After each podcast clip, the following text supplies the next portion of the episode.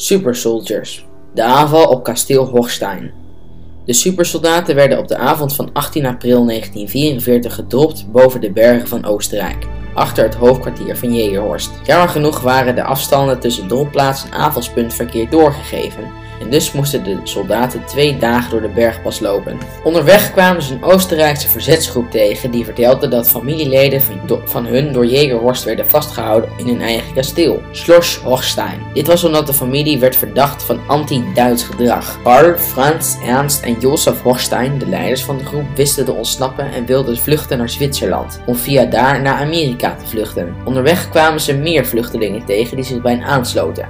Heinz, Wolf en Erich Muller, Ludwig Schmidt en Rudolf Schneider. We helpen jullie graag als dat mag, zei Carl, de hoofdleider van de groep. Tuurlijk mag dat, had Williams gezegd. Nacht bespraken de Super Soldier Commando's in de Austrian Resistance in het Nederlands het Oostenrijk verzet de tactiek voor de aanval op kasteel Hochstein.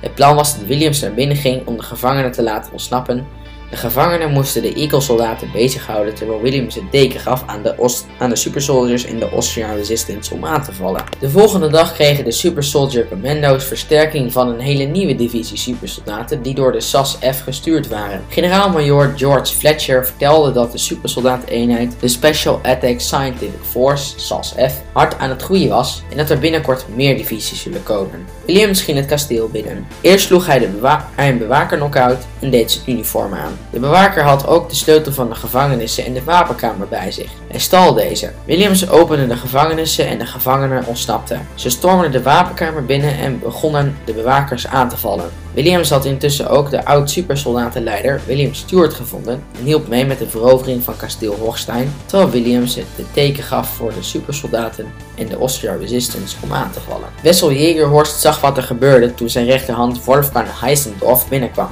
Er Jägerhorst, de gevangenen zijn ontsnapt en ze krijgen hulp van de geallieerde supersoldaten. Het ziet er naar uit dat we gaan verliezen. We moeten vluchten, zei Heisendorf. Waarop Jägerhorst zei, u heeft gelijk. We gaan naar slot Sint Michael, ons hoofdkwartier in Frankrijk.